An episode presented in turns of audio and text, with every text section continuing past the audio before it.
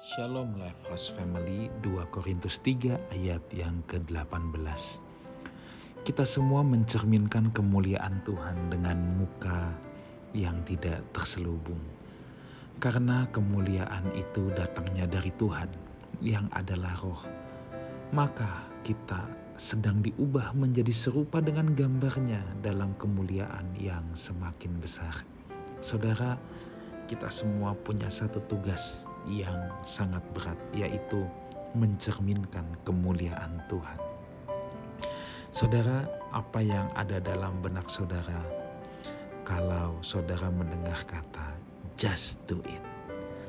Kita pasti akan langsung teringat dengan logo centang, yaitu uh, merek Nike sepatu olahraga.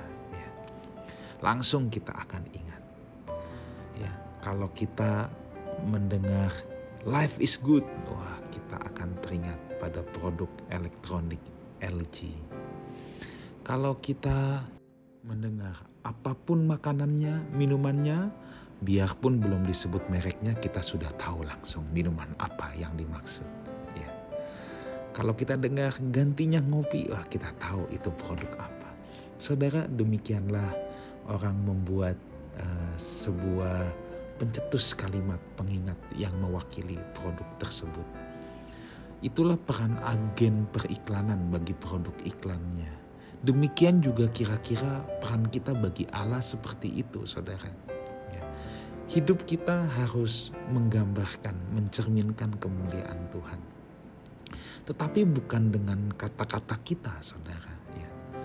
Kita bisa saja pandai mengucapkan God bless you, Tuhan memberkati tetapi untuk mengiklankan ya, atau menjadi cerminan iklannya Tuhan nih, kemuliaan Tuhan. Kita nggak cukup dengan perkataan kita.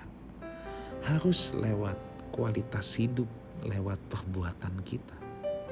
Apakah lewat kata-kata yang terlontar dari mulut kita, perbuatan-perbuatan kita, orang akan langsung teringat sama Tuhan atau melihat kelakuan hidup kita, orang malah teringat sama iblis, saudara. Nah, ini kan dua hal yang jauh berbeda. Tapi kita harus serius memikirkan, menggumulkan hal ini. Ya. Orang kalau melihat kita, itu ingatnya sama siapa? Dan kita punya tugas loh. Kita ini model iklannya Tuhan. Orang tidak bisa melihat Tuhan Yesus tetapi kalau hidup kita menggambarkan wajahnya, orang akan bisa dengan tegas, dengan jelas melihat Tuhan Yesus lewat hidup kita. Dan itulah tugas orang percaya, saudara.